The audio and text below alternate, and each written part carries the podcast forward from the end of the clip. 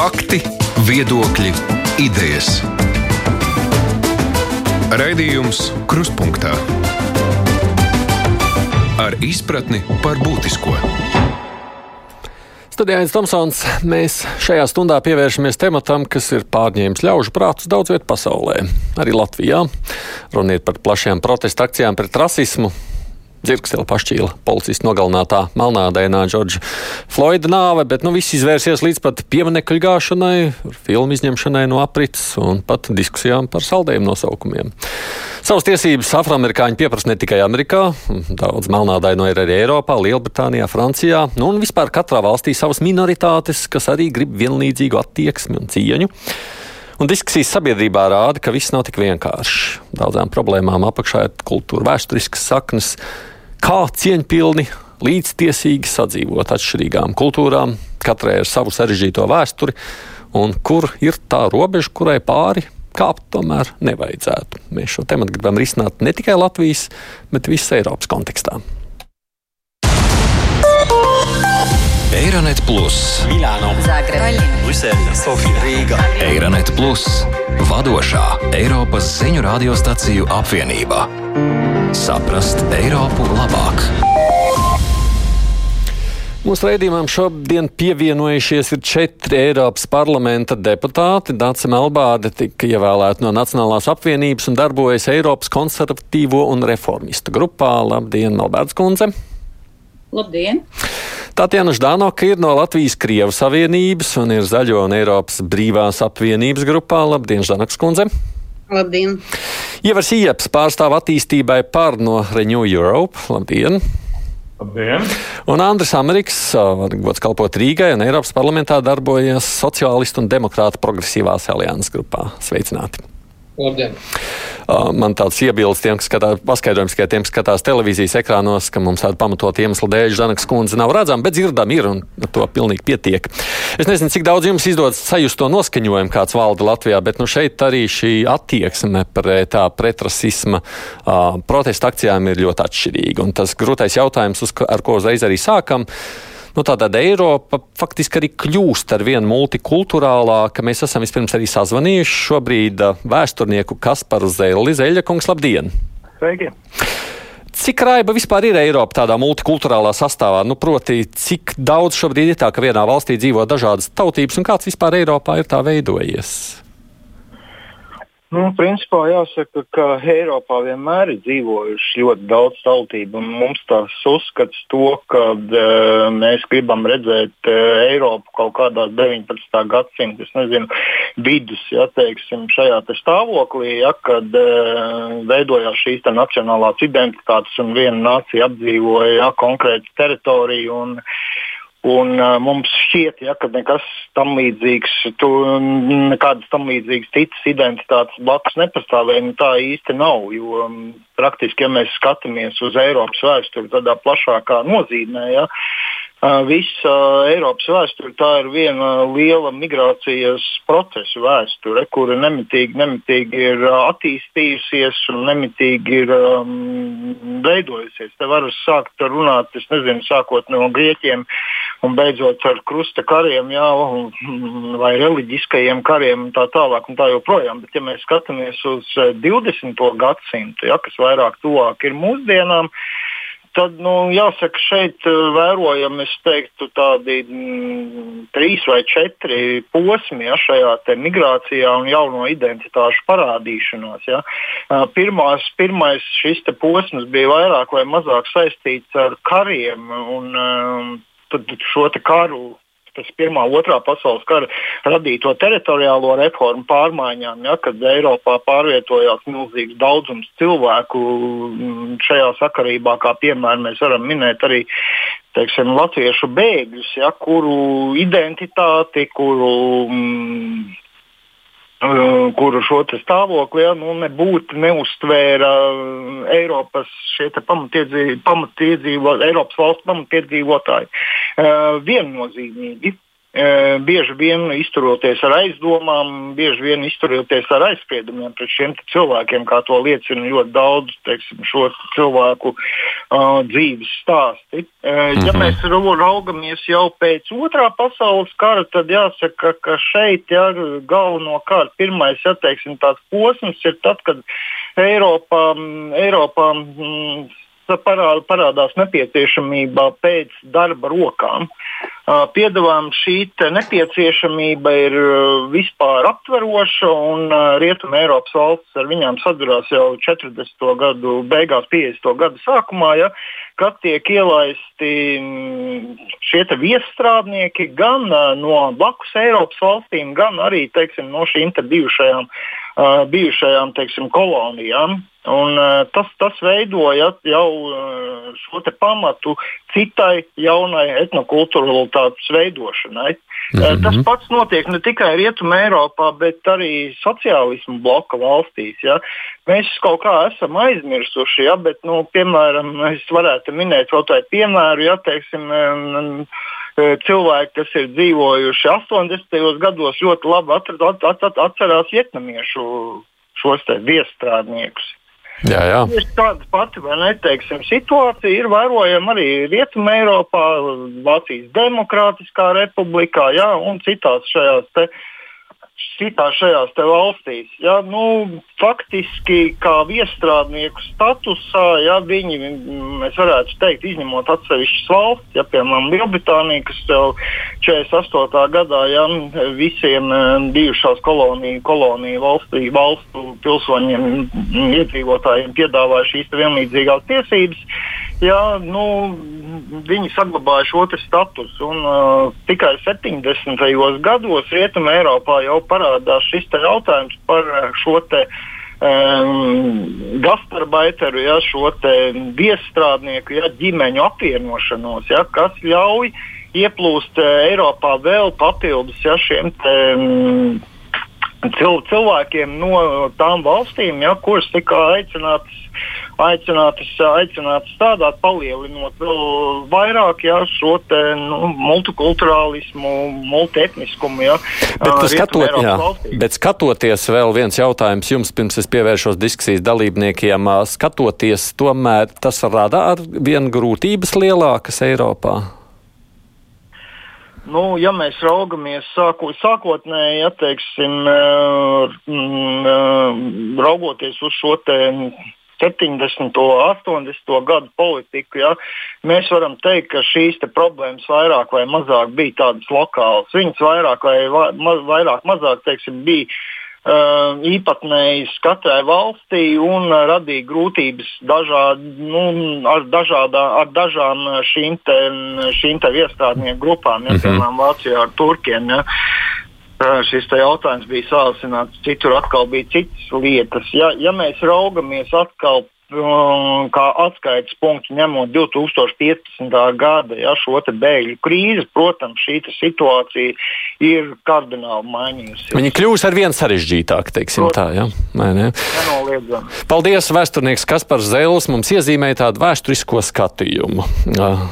Es jau arī piesakot teicu, ja tas notiekošais ASV raisa tās diskusijas un Tur jau arī nav tikai vēsturisks tas jautājums. Mums vakar raidījums izvērsās tāds diezgan interesants. No tā problēma jau ir arī, ka tev balto un melno attieksmi pret dažādiem jautājumiem reizēm mēdz būt tik atšķirīga, ka tā līdzās pastāvēšana ir grūta. Un tad ir tas jautājums, ko darīt. Malvārds kundze, sāksim ar jums. Jūs esat bijusi arī kultūras ministre. Cik tālu jūs redzat, dažādas kultūras tad var sadzīvot? Ir kāda robeža, kurai pāri kāpt nav droši? Jā, nu, paldies. Eh, nu, sāksim ar to, ka, eh, ka, protams, ir diezgan grūti salīdzināt un, eh, ar, ar Latvijas situāciju, jo Latvijā vienmēr sabiedrība bijis daudz viendabīgāka, neskatoties uz to, ka mums ir 150 tautības Latvijā. Un tāpēc dot padomus no Latvijas perspektīvas, vai, vai pat arī no Eiropas Savienības perspektīvas Amerikas Savienotajām valstīm vai citām lielajām valstīm ir diezgan grūti. Bet es domāju, ka nu, tā varbūt ir tādas divas divas tādas mm, pa, pamat eh, tendences, par kurām varētu runāt, ir eh, pirmkārt vairākus gadus īstenotā multikulturālisma doktrīna, ko paši lielo valstu politiķi kā Merkele un vēl pirms desmit gadiem arī Dāvids Kamerons ir atzinuši kā neveiksmīgu. Uh, un, uh, bet te pašā laikā jāatzīst, ka neviens neko jaunu vēl labāk nav atradis. Uh, mēs, protams, varētu runāt par Latvijas pieredzi,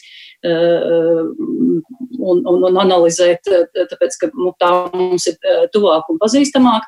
Bet otra lieta, man, manuprāt, kas ir arī diezgan uzkrītoša, ir, ir tas, ka um, šie te nemieri, kas ir saistīti ar, ar, ar rasismu izpausmēm, vai jebkāda cita nemieri, ir tomēr korelē arī ar ekonomisko situāciju. Un pētījumi parāda to, ka pasliktinoties ekonomiskai situācijai, sāsinās arī konflikti, kas ir etniski vai uz rasistiskas bāzes. Jo tā noslāņošanās jau arī ir zināmā mērā šajā tehniskajā griezumā, vai ne? Jā, nu tas, ko arī statistika parāda, ka tu, tu, nu, kaut vai Eiropas Savienībā eh, bezdarba līmenis to cilvēku vidū, kas nav dzimuši Eiropas Savienībā un kas ir varbūt nesen emigrējuši vai nāk no nesen emigrējuši. Ir imigrējuši im, im, im, imigrantu ģimenēm, ka nu, tur ir bezdarbs divas reizes lielāks. Un savā ziņā veidojas tāda pretruna. It kā no vienas puses imigrācijas politika tiek pamatota nu, ar nepieciešamību, mums vajag vairāk darba spēku, bet te pašā laikā mēs paskatāmies, ka tieši to cilvēku vidū kas nāk no šīm imigrācijas zemēm, ir, ir ļoti augsts bezdarbs. Tad tas nozīmē, ka, nu, ka kaut kāda tāda savstarpējās, uh, savstarpējās politikas nekoordinējās.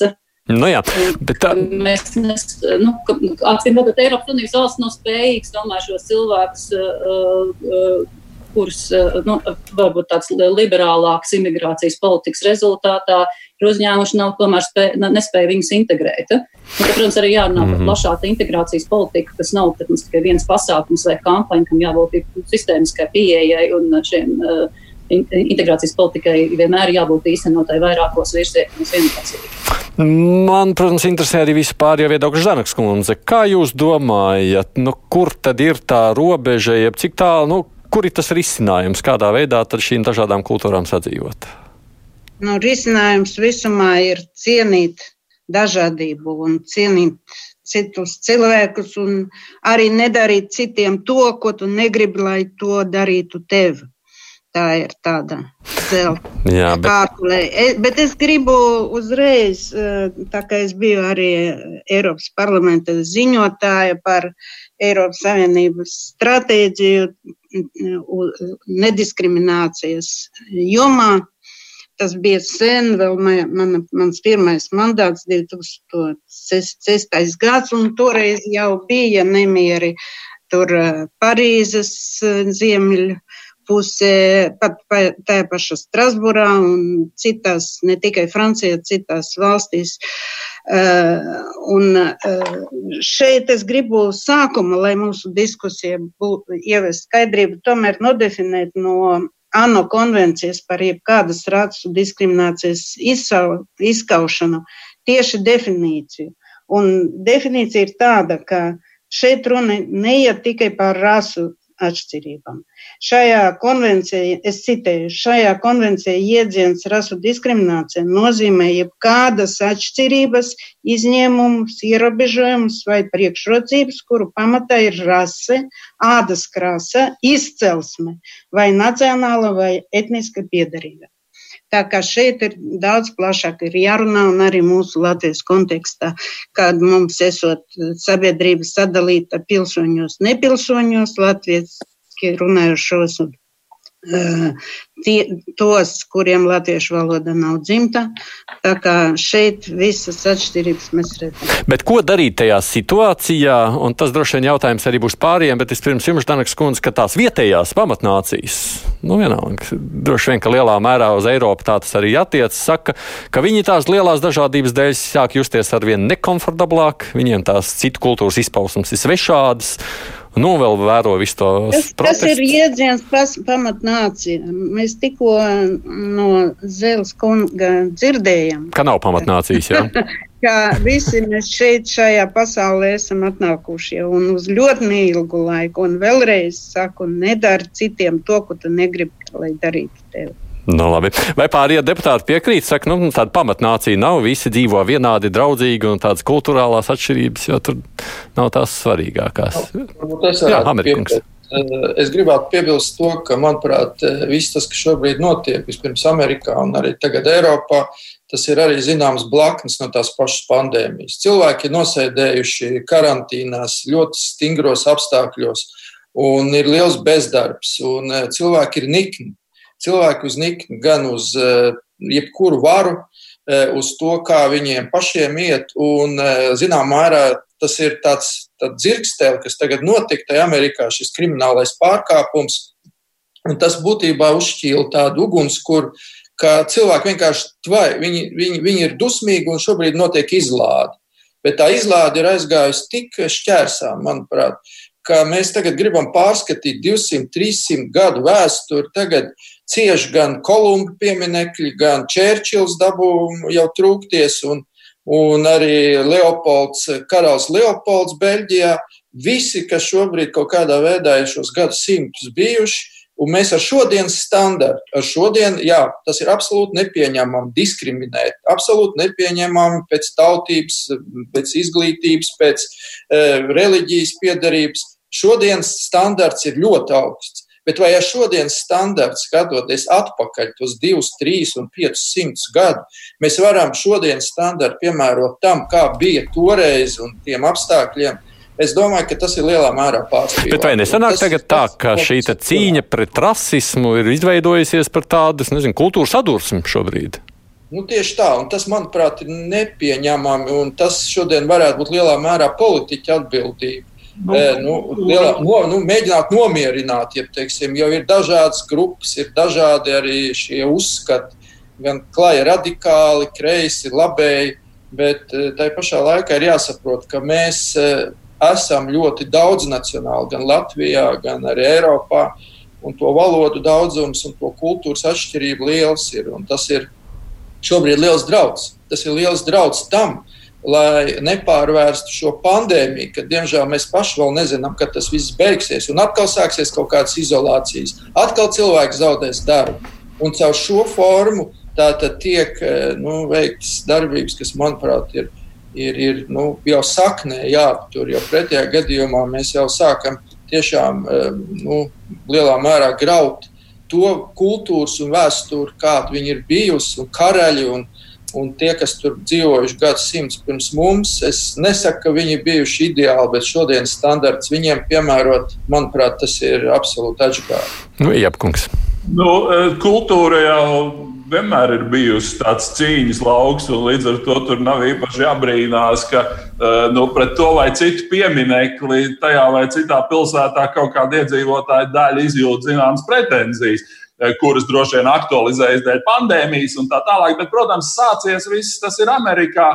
Un tur mums tomēr nevajadzētu, man liekas, aizmirst to, ka šis nu, eh, priekšstats par to, ka tajos mūsu rietumu sabiedrotajos viss ir baigi kārtībā un ka visi tur vienmēr ir dzīvojuši šausmīgi pārticīgi, mīļi un demokrātiski Tas vienkārši neatbilst patiesībai, jo mēs zinām, ka Amerikā nu, šis afroamerikāņu stāvoklis, teiksim tā, ļoti bieži liek uzdot jautājumus. Piemēram, interesants skaitlis, kas man iekrīt prātā, ir tas, ka vidējā afroamerikāņu ģimene, viņas uzkrātais īpašums ir vidēji 16,000 dolāru kur pretī vienas baltās ģimenes vidējais īpašums, kas viņiem ir kaut kāds 60, 70 tūkstoši dolāru. Un tas nav tikai jautājums par vienu cilvēku ienākumiem, tas ir jautājums par to, kādā stāvoklī atrodas šī iedzīvotāja grupa. Un, protams, ka tur nu, ir zināma veida vēsturiski pāridarījuma sajūta, kas nāk ārā nu, ļoti spilgti un brīžiem no tāda no malas raugoties.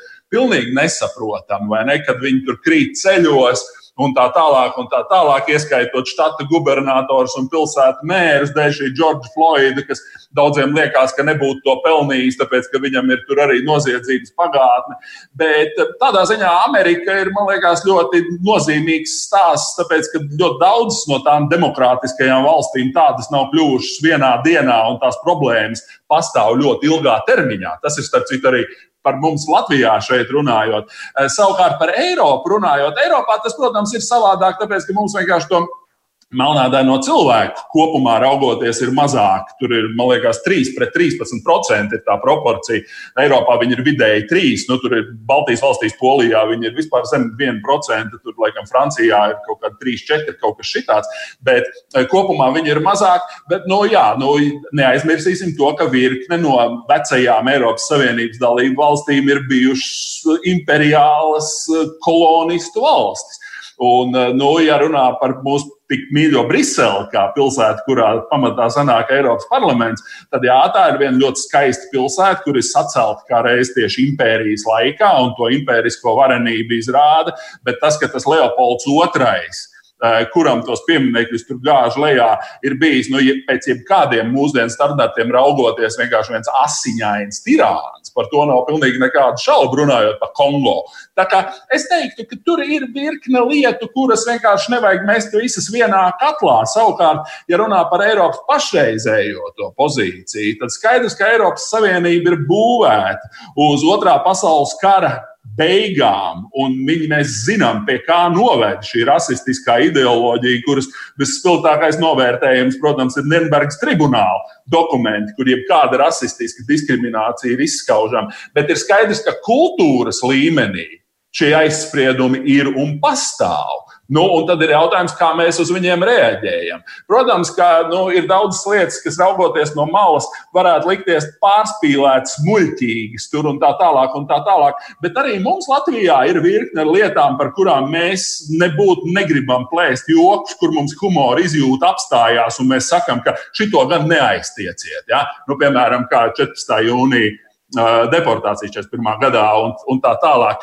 Citās valstīs šādas grupas ir savādākas un sensitīvi jautājumi, sensitīvi. Tas tiešām ir sensitīvi. Bet tas, kas, protams, iemesls vispār, kāpēc mēs šim jautājumam pievēršamies, ir, nu, es teikšu, diezgan ar vien tāda nu, intensīvāka reakcija no klausītāja puses, kuri skatās uz to, kas notiek Amerikā, kuri skatās uz to, kas notiek Francijā, Lielbritānijā un viņiem nepatīk. Un, starp citu, ja palūkojamies uz Latvijā vēl pirms tam veiktajām aptaujām, SKDS ir, ir veicis iepriekš aptauju par to, nu, cik daudz būtu gatavi pieņemsim savā darba vietā līdzās redzēt kādu citu tautieti vai jā, citas nācijas pārstāvu vai no citas valsts atbraukušo. Un uh, ir tā, ka 60% savā darbā vispār negribētu viņus redzēt. Tie, kas skatās televīzijā, mūs redzēs arī tādu infografiku aizmugurē uzlikt šobrīd, kurā var redzēt no tos skaitļus. 20% vispār saka, ka viņiem nav aizspriedumi pret citām rasēm. Četras piekdēļas no latviešiem saka, ka viņiem ir ar to problēmas, un viņi nav tam gatavi. Uh, ja to nav jārespektē, un kā es pieļauju, ka ja mēs šodien vēl to aptauju iztaisītu, varbūt tie skaitļi būtu vēl sarežģītāki. Nav tā, ka šis ir kaut kā Nu, kādu mācību no tā mums tagad paņemt, skatoties uz visu notiekošo? Kurš ir gatavs izteikties no jums pirmais? Es esmu gatavs izteikties. Viena no lietām, kas saistās ar šiem cipariem, ir tas, ka Latvijai, tāpat kā vairumam, eh, diemžēl padomju okupācijas laikā no pasaules izolētām eh, sabiedrībām, vienkārši ir samērā maz pieredzes darbā ar citu citu ādas krāsu, citu etnisku grupu cilvēkiem. Un līdz ar to, nu, protams, mēs vienkārši relatīvi maz ar viņiem esam saskārušies, un uz tā bāzes ir iespējams taisīt visādus mītus un sazvērestības teorijas par to. Beidziet ar citas krāsas, jā, bet ar citas etniskas piedarības cilvēkiem. O, o, Nē, Latvija vienmēr bija ļoti daudz etniska un daudz valodīga. Jūs to no savas pieredzes, Danaks Kundze, sakāt? Protams, protams. Un es gribu pateikt pirmām kārtām, ka jebkuram, jebkuram dumpim ir pamats. Un es, es pilnīgi nepiekrītu, ko Amerika kungs teica, ka, ka koronavīrus to izraisīja. Tur bija zem uh, ūdens, protams, un zem iemesli. Un cilvēki jūt, ka viņi ir diskriminēti, kaut gan formāli viņi ir līdzīgi. Latvijā tas tā nav. Latvija formāli sataisīja nepilsoņus pēc izcelsmes pazīmes, kas ir aizliegts ar ANO konvenciju. Otrām kārtām vēl sadalīja latviski runājošos un tiem, tos, kuriem vajag pieņemt tādu kārtību, ka viņa dzimtā valoda izzūd. Jā, no, Žanaks kundze, bet šeit no pat, jā, šis no, pat nebūs jautājums par latviešiem un krieviem, bet gan latvieši, gan, gan latvieši, gan krievi saka, ka viņiem ir Bailie ieradīsies afrikāņi, vai ieradīsies pakistānieši, vai ieradīsies sīrieši. Viņi neviens negrib. Ijāba kungs teica, tā ir, protams, noslēgtas bija zemes. Pirmkārt, neviena nebija koloniāla valsts, kaut gan Latvijai mēs zinām, tur, tur kaut kas tomēr bija ar Tobago. Ja? Uh, Bet uh, viņi rietumos, es Francijā nodzīvoju vienu gadu, vēl jaunībā, kad biju stažējusies. Un, un pilnīgi atšķirīgi viņu uztvēra ir. Viņi te saka visi, ka mēs, mēs diskriminējam šīs kolonijas un mēs esam atbildīgi. Mēs esam viņiem paradā. Un Francijā, teiksim, ja tu pateiktu, Ot, kā Melbārdas kundze saka, ka e, cietumnieku skaits starp, starp melniem ir lielāks nekā, nekā starp baltiem. Tas ir aizliegts pilnīgi, ja, jo viņiem tā izcelsme nedrīkst parādīties nekur dokumentos. Starp citur visi dati par tiem cietumniekiem, par tiem, to pārstāvniecību, prestižējas profesijas, kas ir, protams, iemesls, kāpēc cilvēki nav nav mm, ar mieru ar, ar situāciju. Kaut gan formāli viņi arī var būt advokāti vai, jā, vai politiķi vai kaut kas. Jā, bet eh, tas ir aizliegts un tikai blakus tādi dati ir saņemami. Bet, ja, bet tas ir vienkārši kaut kur pagrīdē zem tepiņa, paslēpts. Un pēkšņi, ja kaut kas, tad parādās. Lai gan, ja drīkst, jā, jā, jā, lai drīkst, pirms dod Melbāts kundzei vārdu, vēl viena aptauja pieminam, Eiropas Savienība arī ir veikusi aptauju nu, par to, cik mēs esam gatavi pieņemt kādus citautiešus vai sādāt kopā, tad Latvija.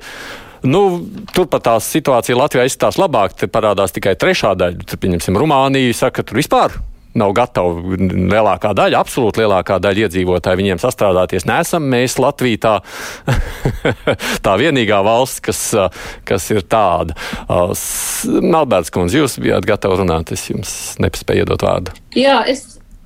Jā, paldies. Es, es gribēju pirms tam uh, reaģēt vēl, vēl uz uh, pirmo Tatjana Ždanokas teikto par to, nu, ka, ka vajadzētu tā teikt iet projām no koncepta nācija valstis. Un es gribētu teikt, ka, protams, nācija valsts neviens nav atcēlis, un pat mums pat vēl apvienoto nāciju organizācija pastāv. Un es domāju, ka tas ir arī viens no tādiem uh, konflikta iemesliem, ka uh, nu, mēs gribam par katru cenu uh, ienākot citā valstī panākt to, ka nu, mēs, šo valsti tagad mainīsim. Ja?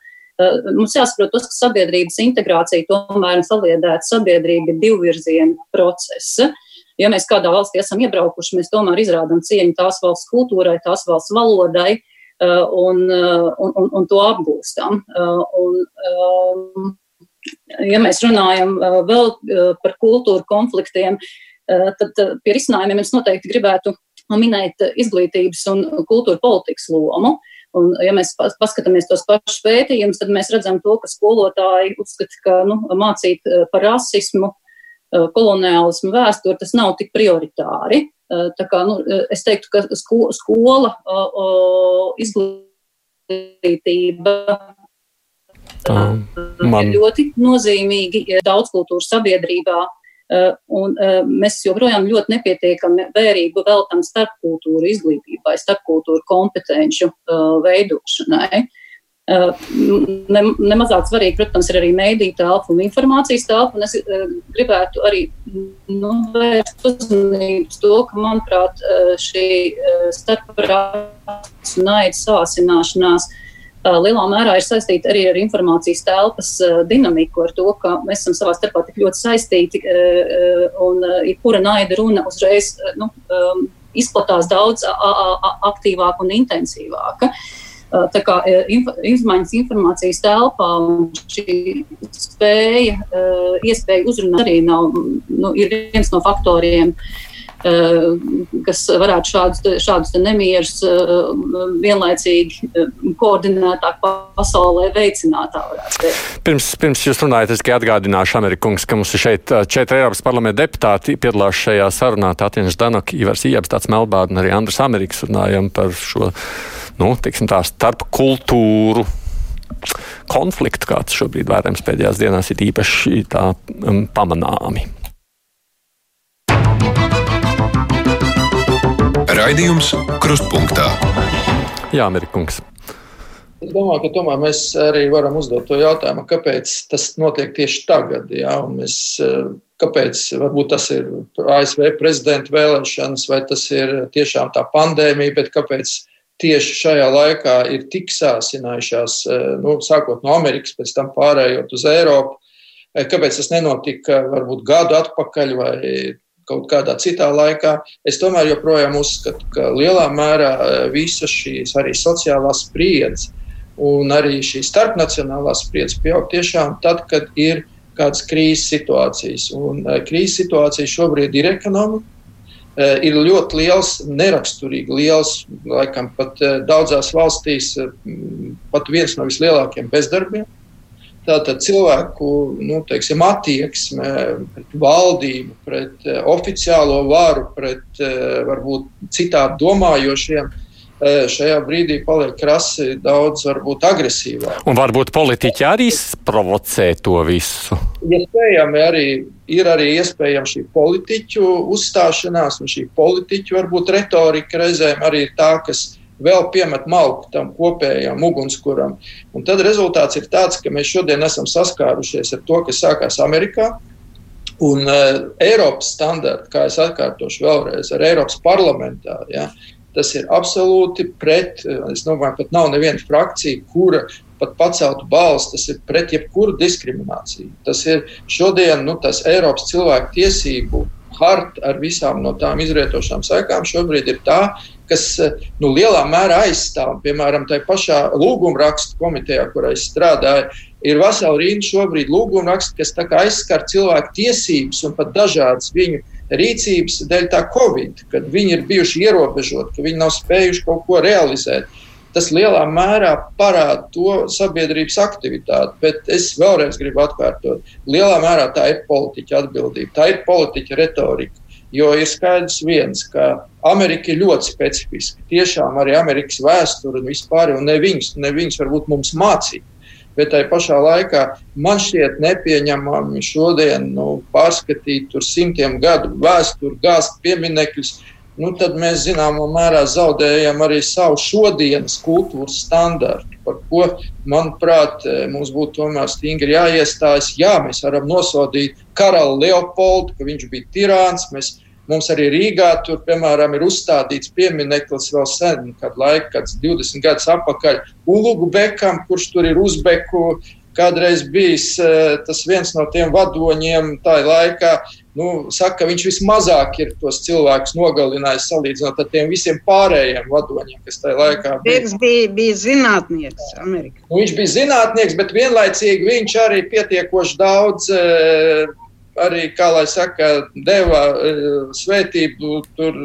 Jūs jūtat, jūt, laikam, ar citiem. Es izlasīju par viņu, jā, man ir no, ļoti labi. Ne par to tas strīds, bet es domāju, ka jūs domi saprotam, Iebkungs. Es domāju, ka, jebkurā gadījumā, protams, mēs esam tur, kur mēs esam, un velkam to visu deķīti sev tuvāk mājai. Tur tika izteikti pārmetumi koloniālismā uz Tobago. Tur nezinu, kāpēc nepieminot tādu reālu fenomenu kā padomju koloniālisms Latvijā. Bet es domāju, ka šito diskusiju mēs varētu atstāt kaut kādam citam kontekstam, jo mēs runājam tomēr par šobrīd pasaulē notiekošo. Un Latvijai, protams, tas stāsts ir nu, īpašs ar to, ka Nu, mums, mēs esam atvērti sabiedrība, mēs ekonomiski attīstāmies un cerībā, protams, ka nu, mēs kļūsim turīgāki un labāk integrēti vispār pasaules kopējā ekonomiskajā un sociālajā telpā. Līdz ar to tas elementārais jautājums, kas parādās, ir tas, kā šeit pie mums Latvijā jūtās cilvēki ar citādu krāsu. Tur atceļot tos visus jautājumus par to, nu, kur tur, kurai minoritātei ir kāda vēsturiska izcelsme un kāpēc viņi ir tur, kur viņi ir, bet vienkārši paraugoties uz konkrētiem cilvēkiem, kas šeit dzīvo. Nu, kuri visbiežāk secina to, ka latvieši noteikti nav nekādi rasisti tādā nu, kolektīvā nozīmē, nekādā gadījumā, bet ir vesela virkne ļoti, ļoti nepatīkamām pieredzēm. Kā mēs to redzam, nu, ir atsevišķi Rīgas rajoni cilvēkiem, kas ir ar atšķirīgu sejas krāsu. Principā nu, ir grūti parādīties, teiksim tā. Jo tā, nu, to, tāpat pieminētā aptauja. Kolēģis kuri pieder kaut kādai citai grupai, arī ir atvērts. Īsakot, tā ir, es domāju, lielos vilcienos pat nevis tāda globāla Eiropas, bet patiešām Latvijas dimensija par to, kādu sabiedrību mēs vēlamies būt. Jā, bet redziet, te es arī saku, tajā pašā pieminētajā aptaujā bija fakts, ka faktiski puse saka, ka viņiem ir pieredze bijusi slikta etniskā, satkulturālā vai kaut kāda veida pieredze, kas viņus ir tādā veidā, nu tā kā atgrūdos. Ja es drīkst, es nolasīšu Ivaru rakstīto, viņš saka tā, tas droši vien reaģējot uz Danaks kundzes teikto, ja mas masveidā ieradīsies Latvijā tumšas krāsas cilvēki no Āfrikas vai citām valstīm, kas mums nav pieņemami, vai tuviem austrumiem, ticiet man, mēs ar krieviem būsim plecu pret pleca pret viņiem. Nu, tādu to versiju izsakot šeit. Uh, tas Jans jautājums ir jums, nu, skatoties uz to, kas notiek Eiropā, viena liela daļa Latvijā saka, mācāmies no viņa kļūdām taisām to robežu mazliet ciešāk un nelaižam iekšā. Mēs arī negribam kaut ko tādu piedzīvot. Ir tas, kā arī tā ir Schengen zona. Un e, mums e, tas ir milzīgs iegūms Latvijai, esot Eiropas Savienībā, šī brīvās mācības ceļošana, strādāšana, Attiecīgi, mēs, eh, manuprāt, varam diskutēt par to, kā teiksim, tiek iegūta iespēja mācīties vai strādāt Eiropas Savienībā. Bet tieši kā Latvija, ka mēs teiktu, ka mēs esam šobrīd ārpus šīs visām regulām, eh, nu, manuprāt, tas ir absolūti nereāli. Tas nav izdarāms, jā, jūs sakāt. Ja kāds, kāds iebilst tam?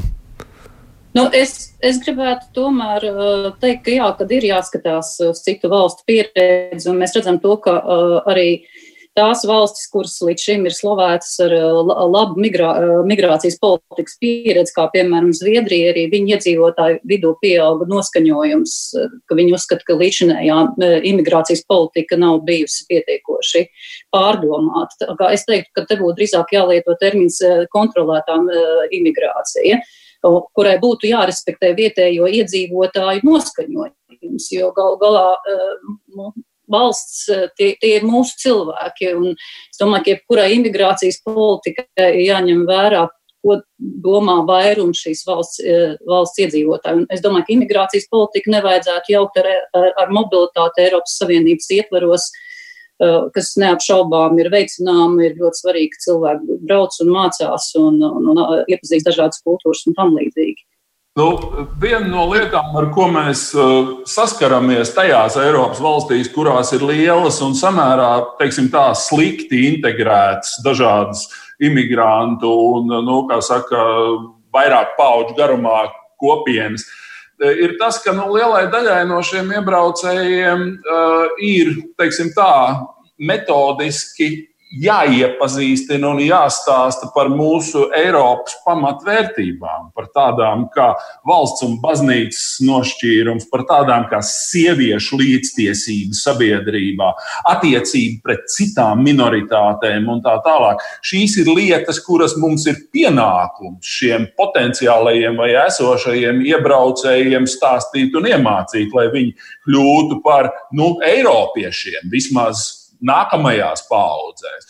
Bet par eh, migrāciju runājot, nu, grozamies kā gribam. Migrācija ir dalību valstu kompetence. Cits jautājums ir, protams, par to, kas jau tika pieminēts no kolēģa Kaspara Zēļa, proti, tas 15. gada konteksts, proti, kad sākās vidusjūras šī bēgļu krīze. Un tas vairs nav tikai stāsts par migrācijas politiku, tas ir stāsts par tiem patvērumu meklētājiem. Proti, nu, elementāri pateikt, kurš ir patvērumu meklētājs, kurš ir ekonomiskais bēglis, kuram ir tiesības palikt, kuram nav tiesības palikt. Šie jautājumi Eiropā ir jārisina kopīgi, un pie tā mēs arī strādājam Eiropas parlamentā. Bet migrācijas politika, nu, teiksim tā, es domāju, ka Latvijai arī tuvākajos gados stāv priekšā viena diezgan sīva diskusija par šo tēmu. Jo mēs Jā, redzam, kas notiek ar mūsu demogrāfiju. Nepārtrauciet, lūdzu, man es jūs nepārtraucu. Nu, tagad sakiet, Žanakas kundze. Tā, Ijāpkungs, jūs tikko minējāt to frāzi, kur ir tur klupakmenis. Viņi, šī kopiena nav integrējusies valstī. Tā ir pilnīgi nepareiza pieeja. Integrācija ir summēšana, tā ir matemātiska operācija, summēšana un jaunas kvalitātes raž, radīšana no tiem sas, tām sastāvdaļām, ko mēs summējam. Ja jūs sakat, viņš nav integrējies tur iekšā, tā nav integrācija, tā ir asimilācija. Tāpēc es politikai neieredzu arī izmantošanu, mm, vārda integrācija izmantošanu, jo sākam integrāciju, bet domājam, un jūs domājat jūsu izteikumos noteikti, jo tie izteikumi tā ir formulēti, ka tā ir asimilācija. Bet, Šiem cilvēkiem bet, bet jūs piekrītat, ka pilnīgi sava īpatnība, pilnīgi jāatceļ Jā. sava īpatnība, jāaizmirst sava valoda. Melbārds kundze, jūs sakat, jā, jāciena valsts valodu. Beļģijā jūs kuru cienat, tad franču, vācu vai, vai flāmu. Bet, Ždanoks kundze, jūs redzat, to jūs pieminējāt. Valstis ir dažādas valodas izmantojamas oficiāli, un tā ir priekšrocība. Bet, ja drīkst, tomēr, Ždanoks kundze, Ždanoks kundze, paklausieties.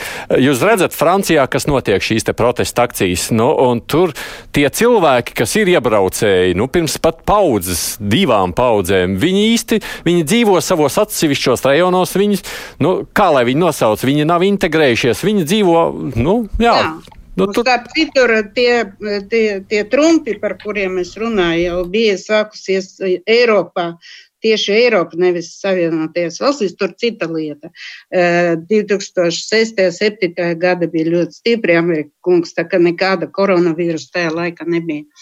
Eh, cilvēki vienkārši paši saprot, ka sabiedrība nav, eh, nav eh, vi, vi, viņi nav cienīti, viņi nav vienlīdzīgi. Tā, ka tas ir paredzēts. Ja jaunietis Krievijas skola jautā, vai latviešiem bija iespēja mācīties savu valodu, Mēs atbildam, viņi ir dzimuši jau pēc Padomju Savienības sabrukšanas. Ja? E, mēs sakam, jā, bija. Nu, tad kāpēc tad mums tā nav? Kāpēc mums nav tiesības mācīties krievu valodu? Un šie jaunieši, ticiet man, viņi, viņi to netaisnību jūt. Un tāpat kā tie melnie Parīzes e, ziemeļos jūt, ka viņiem nav nekādas, e, nekādas iespējas teiksim, kļūt par speciālistiem tikt mm, prestižējas augstskolas un tā tālāk. Un šeit ir jābūt politikai. Es, e, es, es saku, ka mēs gatavojam ļoti daudz, e, ļoti daudz um, priekšlikumus, un viena no tām, teiksim, anonīmas anketas. Tā saucamā pozitīva diskriminācija, kā to sauc Savienotajās valstīs, vai pozitīva attieksme, kā to mēs saucam šajā. šajā rezolūcija, un diemžēl šos ieteikumus nav ņēmusi ļoti nopietni, bet tagad ir tas problēmas atkal. Un jūs nezināt, kurā vietā un kāpēc tas parādīsies. Tas atkal. Otra lieta, es esmu gal, mm. galīgi pret kolektīvo atbildību. Ka, teiksim, visi Baltie tagad ir atbildīgi par, eh, par Alnējam. To uh, verdzību, jā, visi tur melnie ir atbildīgi tagad uh, Amerikā par drumpiem un tā tālāk, un tā, par dumpiem un tā tālāk. Es sapratu, jūs domājat. Visi krievi, krievi tagad ir atbildīgi par visu, par visu slikto. Kas notiek Latvijā?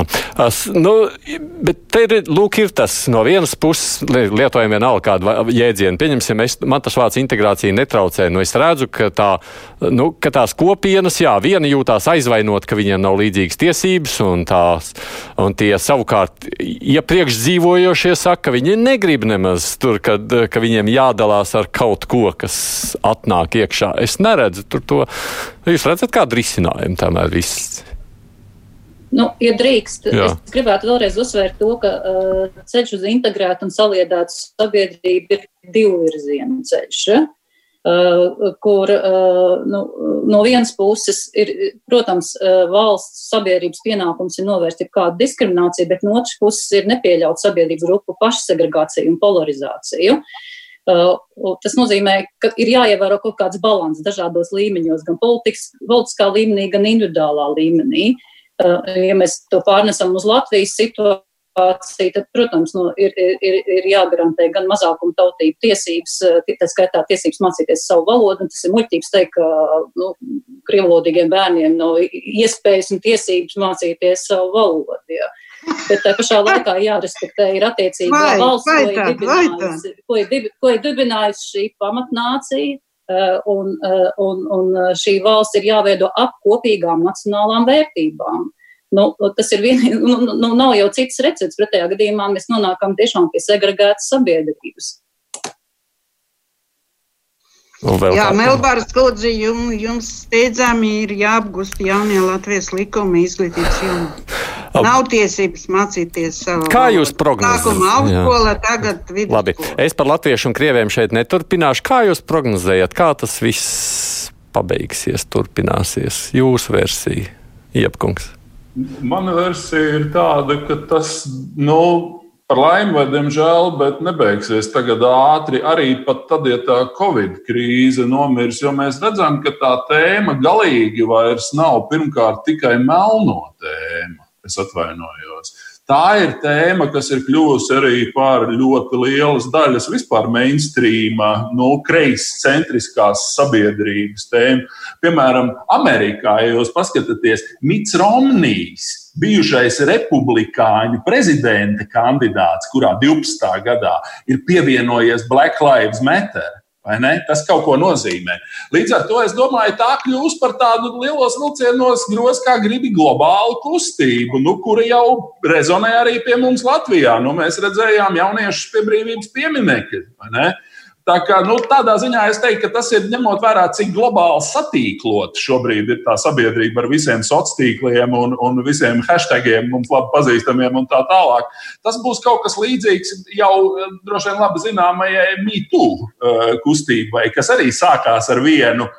Harviju Weinsteinu, vai ne? Un tagad ir kļuvusi par tādu diezgan globālu fenomenu. Eh, tā kā nu, Eiropas parlaments, starp citu, kolēģi, es saprotu, ka šajās dienās arī plenārsēdē mēs plānojam pieņemt rezolūciju par to. Ko tā rezolūcija nozīmēs? Jā, jā Amerikungs, es jūs nedzirdu. Jā, es eh, domāju, ka šajā nedēļā būs arī plenārsēde no trešdienas līdz piekdienai, un es domāju, ka būs diezgan plašs debats par eh, šo situāciju. Un es tomēr gribu viņu nodalīt. Viens, es piekrītu Jā, kungam par to, ka tas nebeigsies ātri, un tas būs kā sabiedrības aktivitātes spogulis. Bet no otras puses, gribētu nodalīt to sadaļu, ko mēs sakām par šo brutālo, nu, teiksim, nu, tādu huligānismu, jeb, jeb jau, nu, tas jau ir likuma pārkāpuma robežas. Un tā ir politiķa loma, un tā ir tā, ko mēs varbūt pārstāvam arī dažādus šos varbūt, uzskatus vai vēlētāju grupas ir skaidrs, ka sabiedrības aktivitātes ar šiem tīkliem ir arvien lielāka. Un arī es domāju, Eiropas parlamentā būs dažādi šie viedokļi un šīs uzstāšanās. Tas būs trešdien vai ceturtdien. Nemaz tik ilgi nav jāgaida. Bet eh, es gribētu kategoriski noraidīt to, ka mēs zem šīs te varbūt sabiedriskās aktivitātes nu, aizseg mēģinām šobrīd daudzīt, laust, eh, laupīt Es uzskatu, ka tas ir galīgi un pilnīgi nepieņemami. Nu, tas jau arī neapšaubām provocēja cilvēku pretreakciju tajā brīdī, vienā vai otrā virzienā. Jūs domājat, ka tā būs arī tāda izteiktāka politiķu dienas kārtība nākošajās vēlēšanās? Jā. Domāju, ka jā. Tajā skaitā Latvijā. Jā, īpaši tāpēc, ka vēl jau vairāk, kad ja no Amerikas tas nāca, tad Amerikai tuvojas prezidenta vēlēšanas. E, un tas jau ir mēnešu jautājums šobrīd, kas e, var lielā mērā ietekmēt arī šo vēlēšanu rezultātu. Es domāju, ka tur vēl būs daudz jaunumu. Ir vēl kādam ko piebilst, pabeidzot šo sarunu jums pārējiem? Es gribētu par pieminekļiem, jo mēs visu laiku tā kā garām ejot uh, uh, to, ka tas ir arī. Uzlieciet punktu zīmi minūtes laikā. Pieminekļu karos.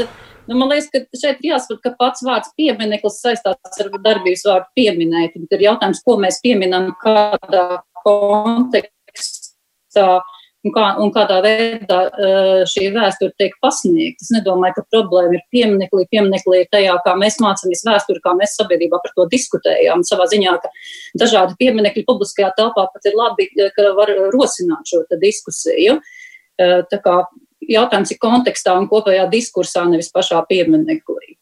No nu, jebkurā gadījumā pieminekļi, jā, jā, pieminekļu peldēšana mūs neapšaubāmi vizuāli uh, nu, teiksim, tā, uzbudina emocionālā formā. To es redzu noteikti arī no mūsu vēstulēm. Klausītāji, ko raksta, paldies jums par iesaistīšanos šajā diskusijā, kura, kā, nu, kā mēs secinājām, nebeigsies tik ātri. Tā vēl ir gaidāms turpinājums. Četri Eiropas parlamenta deputāti mums šodien raidījumā piedalījās uh, no Nacionālās apvienības ievēlētā Daci Melbāde, no Latvijas Krievas savienības Tatjana Ždanaka, Andris Amerikas no gods kalpot Rīgai, Ivars Ijāps no attīstībai par. Es pieteicu šoreiz jūs latviskās partijas. Paldies jums par iesaistīšanos sarunā. Šodien kruspunktā līdz ar to izskan. Mūsu redzījuma producenti ir Evi Junām un studijā šo diskusiju vadīju es, Aidis Tomsons.